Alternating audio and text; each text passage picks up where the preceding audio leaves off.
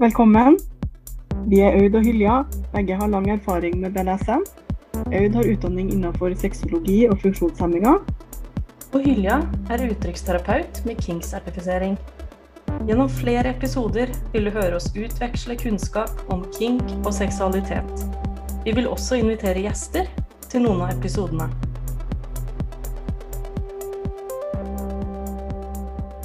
I denne episoden har vi tenkt å snakke litt om hva kink er. Eh, Vi har jo kalt podkasten vår for Kinkkast. Og da tenker jeg at eh, det er naturlig at vi eh, definerer det litt. eh, Og kanskje kommer med noen eh, personlige betraktninger om, om hva det betyr for oss. Kink det, det refererer jo til alt som bøyer seg bort ifra det konvensjonelle. Jeg er ikke så veldig glad i å bruke ordet normal, eh, for hva er det? Men eh, alt eh, som bøyer seg bort fra det konvensjonelle, fra det som er smalt eller det som passer i en spesiell form, det som er standarden. Så det er vel egentlig, men uansett da, så er det litt mer passende å si at når vi snakker om seksualitet, eh, så er jo også kinken en stor del av seksualiteten vår. For folk flest, tenker jeg faktisk. Også for de som ikke identifiserer seg som kinky. Ja, og um, jeg er veldig komfortabel med å bruke BDSM om min seksualitet. Men jeg ser at det blir mer og mer populært å bruke kink. Og det er sannsynligvis fordi at BDSM inneholder jo eh, bondage, disiplin, dominans, underkastelse, sadisme og masochisme. Men det finnes jo mange andre ting man kan tenne på innenfor på det samme universet, som mange ikke føler at er inkludert i BDSM-forkortelsen. Og da blir kink et veldig fint som paraplybegrep. Der det egentlig er hva er det som hva er det kink betyr for deg? Det kan være veldig forskjellig fra person til person. Mm. Jeg ser jo det, òg, at uh, dagens ungdom Nå begynner jeg å bli så gammel at jeg sier dagens ungdom. Uh, og unge voksne de kaller faktisk uh, BDSM for kink i dag. Og jeg, jeg, har jo begynt å bruke det mer og mer, jeg også. Og ja, kink er veldig forskjellig fra person til person. som, BD, som BDSM-ere så så har vi nok begge to tatt den BDSM-testen på bdsmtest.org. Uh, ja. ja. Og noe jeg syntes Altså noe av det syns jeg passa ganske bra uh, for å finne ut ok, hva er kinken min, hva er det jeg liker. Jo, OK, uh, sjekka av ganske mange bra ting. Men så ser jeg det at uh, kinken min, den står ikke der. Hovedkinken min er ikke der. For det er jo variasjon og nærvær. Og det å la seksualiteten utfolde seg i takt med livet, og, og, tørre å være sårbar og gå i kontakt og heles gjennom seksualitet og livet generelt. Eh, kanskje setter jeg litt store krav til en random BDSM-test på nett, som oftest deles på FetLife, men ja, så kink er jo forskjellig fra person til person. Jeg syns jo absolutt at det kunne ha vært med. Um, jeg tenker at uh, Kink er et uh, veldig kort og ålreit ord som beskriver et stort seksuelt mangfold. Uh, og jeg tenker at det er fint at flere trykker det til sitt bryst, selv om jeg er partisk til BDSM-forkortelsen. Og jeg er glad i å bruke normativ eller ikke-normativ. At det som er normativt, det er på en måte det som er regnes som uh, vanlig og akseptabelt i den kulturen man er i. Eh, og det som er utafor, er ikke normativt. Man bryter mot på en måte um, det som er forventa av en. Og det kan jo være en kink i seg sjøl. Ja, og så har jo kink, altså ordet i seg sjøl, da, har jo utallige assosiasjoner. Altså det inneholder så mye. Altså det kan være lær, det kan være spanking, det kan være korsetter, en lite Ja, om det så er et klaps på rumpa òg, så vil jo mange definere det òg som litt kinky. Altså til og med en ingefærrot eller altså you name it. Det er, det er helt ubegrensa, egentlig. Jeg tenker at um, for mange så hører nok uh, kink kanskje litt snillere ut enn BDSM. Uh, og jeg tenker at det er jo naturlig i og med at det innebærer så mye at hvis man er uh, ganske normativ, da, så vil det være et ganske snevert begrep, på en måte. At man ikke kanskje forestiller seg så mye som det faktisk innebærer. Og for noen som har mye kunnskap og, og vet om mye om variasjon, så vil det innebære veldig mye. Eh, jeg har diskutert med folk om f.eks. analsex er en kink. Jeg tenker at analsex er såpass uh, utbredt at jeg personlig ville ikke ha regna det som en kink, men mange tenker at det helt klart er det. Um, man kan si at dirty talking, eller liksom det å ja, hviske liksom uh, slemme ting i øret til noen, uh, kan være en kink. mens jeg igjen tenker at det kanskje er såpass normativt da, at det ikke vil være en kink. Og det er interessant å høre hva folk regner med som kink og ikke. Ja, men det er, jo, det er jo det folk sier, da. Altså hvis man, eh, hvis man hvisker noe litt sånn der 'Å, jeg har så lyst på deg', eller 'Herregud, jeg tenner så på når du går i de støvletta', så får du jo høre på en måte at 'Å, du er kinky', altså. Eller du får liksom Du får den der med en gang. Så det virker som at folk har en sånn Du knytter det veldig ofte til å være litt sånn der små om du så bare er litt sånn småkåt, så er du kinky. Ja. um, jeg tenker at det er, det er egentlig helt greit at man har litt ulike definisjoner, men det betyr bare at man kanskje må kommunisere litt uh, før man bruker det uttrykket veldig bastant, da, for å vite at man er liksom på samme, samme Ja. å være kinky for meg, det er jo faktisk at, at eh, jeg erkjenner at jeg har en tenning mot uh, to kvinnelige divaer i Norge. Som er godt opp i åra. Det syns jeg er litt kinky, da. Men så fins det mange andre ting som jeg gjør, og som jeg utøver i mitt daglige liv, som jeg vet at veldig mange tenker at herregud, det er kinky. Hvor jeg tenker bare ja, men det er jo helt vanlig. Det der gjør jeg hver dag. Det er litt morsomt, fordi uh, vi har så, vi har så forskjellige definisjoner og noen syns at det er positivt å være kinky. Jeg syns sjøl at det er um, positivt. At, at, det er talent da, å tenne på noe som kanskje ikke er så tradisjonelt, eller som alle andre gjør. Um, som Espen Ester bruker å si. Espen Ester Pirelli Benestad. Um, mens andre kanskje tenker at det å være kinky er litt sånn skamfullt eller bør holdes hemmelig eller sånn. og en av de tingene jeg har lyst til å bidra med med denne poden her, er jo at flere skal kunne kvitte seg med skammen eller skylden eller sånn, da. Og eh, omfavne kinken sin litt. Men allikevel så er det jo noen få kategorier, da. Som ofte faller inn under eh, ja, det man kan kalle den kinky sexparaplyen. Selv om det er veldig vanskelig å kanskje definere hva kinky er, sånn sett, fordi det har forskjellige betydninger, så er det noen ting som alltid blir nevnt da når vi skal snakke om kink. Og det ene er jo ja, BDSM, som vi allerede har snakka om. Eh, det andre er fantasi og rollespill. Det blir jo ofte definert som kinky. Mm. Eh, og så er det fetisjer. Det handler jo gjerne om gjenstander, da. Hvor det ikke nødvendigvis er en kroppsdel som er involvert, eller det trenger ikke være seksuelt heller. Det kan jo være en fetisj som inkluderer føtter og sko eller lær eller gummi. Men det blir ofte lagt under den kink-paraplyen. Ja, jeg har en ganske bred definisjon av um, fetisj. Jeg tenker at en fetisj er å tenne på noe som ikke har med reproduktiv sex å gjøre. på en måte. Det kan være å seksualisere kroppsdeler som, um, som ikke har noe med reproduksjon å gjøre, som f.eks. føtter, som du nevner. Uh, eller det kan være um, bestemte handlinger, roller, uh, eller ting. Um, og det kan være veldig vanlige ting eller ikke. Og det er jo også eh, interessant at fetisjer eh, er en sånn selvfølgelig del av kink, når mange fetisjer faktisk er veldig, veldig vanlige. og og egentlig ikke vil passe da, inn i den beskrivelsen av kink som noe litt uvanlig eller ikke normativt. Så Det er et litt sånn selvmotsigende begrep noen ganger. Det er det. Og så tror jeg det er veldig mange fetisjer, eh, men også kink, altså innenfor kink, som er som er litt sånn tabubelagt. Som er litt sånn Ja, men det her er ikke så kult å ha den kinken her. Eller det er ikke så veldig kult å For eksempel, jeg er medlem av en sånn Facebook-gruppe for folk som er interessert i BDSM og, og den slags. Uh, og der er det noen som har sånn bleiefetisj. Og det er jo fint, det. Uh, for de som liker det. Men jeg ser jo at folk har jo helt ekstremt drøye reaksjoner på det. folk blir jo skikkelig støtt, og de blir jo litt sånn Æsj, er det her BDSM? Er det her fetisjme? Eller fetisjisme?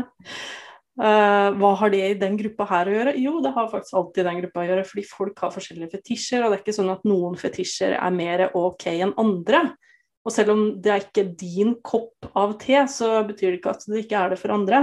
Så er det litt det, at den rausheta og den uh, forståelsen for at folk liker ulike ting, og det er helt greit.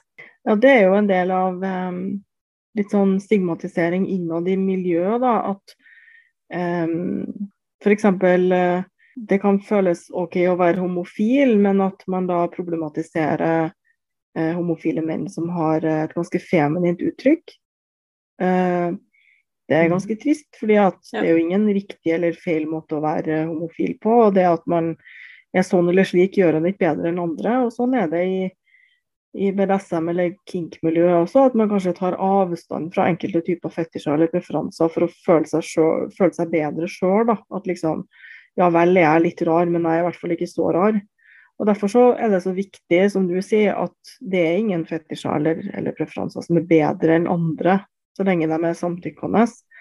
Mm. Um, det tenker jeg at det er et viktig poeng. Og så, forstår jeg ikke helt hvorfor det er så viktig for folk å forstå andres tenningsmønster. Fordi det finnes masse ting som folk tenner på som jeg ikke skjønner i det hele tatt.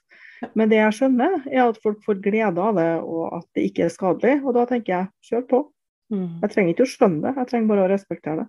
Det er jo akkurat det. Og det, sånn er det jo med både fetisjer og med legninger og med kjønn og egentlig alt. At vi trenger egentlig ikke å forstå det, men vi trenger kun å ha respekt for det og ha Altså, egentlig så skal man ikke forvente aksept, det skulle da bare mangle, egentlig.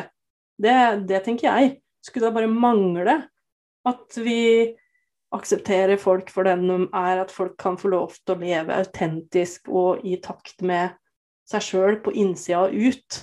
Så med en gang jeg hører ordet aksept, så kjenner jeg at jeg tenner på alle plugger, faktisk. Var, jeg vet det var jeg sjøl som sa det, altså. Men det var sånn Jeg klarer å irritere meg sjøl òg, jeg vet. jeg har sånn, den samme ja. ja. Jeg har den samme reaksjonen på ordet toleranse. Ja. For det å tåle noe er ikke det samme som å på en måte respektere det, eller å innse at det er OK. Det er liksom bare å holde på avstand, en sånn høflig avstand, og tåle at andre gjør det. Eh, og det syns jeg ikke er godkjent, altså. Nei, jeg syns ikke det er greit. Det er nesten bedre om du bare sier det at uh, vet du hva, jeg liker Jeg fikser ikke at du er homo. Eller jeg fikser ikke at uh, du tenner på sko. Bare si det istedenfor mm. å si ah, ja, men jeg, jeg tolererer det jeg aksepterer det. Uh, det er faktisk bedre. For min del så er det det. Jeg, jeg tror nok ikke at alle jeg tror ikke at alle er så bevisst på bruken av de ordene som, uh, som vi nevner nå, da. Men uh, ja, jeg får også en sånn tydelig uh, hvis, man, hvis jeg kommer ut som BDSM-er for noen, da, og så sier de at det er greit for meg, så blir jeg alltid irritert. Jeg har ikke spurt om lov, jeg. så sånn. Ja. Men jeg tror det er en sånn eh, instinktiv Man vil gjerne si noe hyggelig, eller, og, så, og så klarer man ikke helt å Man syns kanskje at det er litt voldsomt, eller man klarer ikke å sette seg inn i hvorfor folk liker det, og så, og så blir ordbruken som den blir. Men eh, kanskje vi kan bidra til at folk begynner å si litt mindre aksept og, og toleranse, da. Mm. kanskje. Bruke bedre ord. ja. Nå, nå, har jeg heldigvis ikke eh, opplevde å vært i skapet. Sånn ironisk nok så sitter jeg faktisk i mitt walk-in-skap nå fordi jeg ikke har kontor, og jeg bruker det som kontor. Men jeg har ikke vært i skapet på den måten at jeg kommer ut. Men jeg har jo hatt partnere av alle kjønn eh, gjennom hele livet. Uh, og jeg har jo møtt min dose med fordommer der også, men ikke så mye som veldig mange jeg snakker med, da. Så jeg tror jeg har vært veldig heldig. Men det jeg merker, det er at uh, nå som jeg er gift med en kvinne, så merker jeg at veldig mange går ut ifra at jeg er lesbisk. Så, og det er noe greit, ja. det er ikke noe som jeg tar veldig sånn personlig, det. Eh, men det er litt irriterende. Fordi jeg merker så ofte til med folk du har kjent i mange år, som egentlig aldri egentlig har spurt om le legninga di, eller hva du egentlig liker, da. Så bare Ja, du som er lesbisk, du vet jo det her. Så jeg bare OK, jeg er lesbiske, ja. Hm. Det visste jeg ikke. Så det, det går på en måte ut ifra det, da. Fordi at jeg har valgt å leve med en kvinne. Og, og det syns jeg, er litt, jeg er litt irriterende, da. Jeg syns faktisk det. Det er, ja, det hadde vært fint om folk var litt mer bevisst på det, at folk er forskjellige, og at liksom man kanskje Ja, at man ikke skal anta så mye. Men menneskehjernen er jo sånn at den gjerne vil plassere ting i båser så fort som mulig for å liksom komme seg videre til neste punkt og, og sortere ting. Og så blir det noen ganger litt feil, men ja. Altså, jeg er panseksuell og er i forhold med en mann. Eh, og da antar jo folk at jeg er heterofil. Mm. Eh, og når man liker BDSM, så antar veldig mange at, at man liker smerte. Eh, jeg liker veldig godt å leke med smerte, men noen ganger så får jeg nesten litt lyst til å protestere bare av prinsipp, fordi at det er ikke noe man bør anta. eh, det er ikke alle som driver med BDSM som, eh, som liker det. det. Det er det ikke. Jeg opplever jo mye av det samme sjøl. Men det er jo ikke sånn at selv om jeg sier at jeg er BDSM-er, så betyr det at jeg er en sånn elsker smerte, og jo, jeg gjør jo det for så vidt.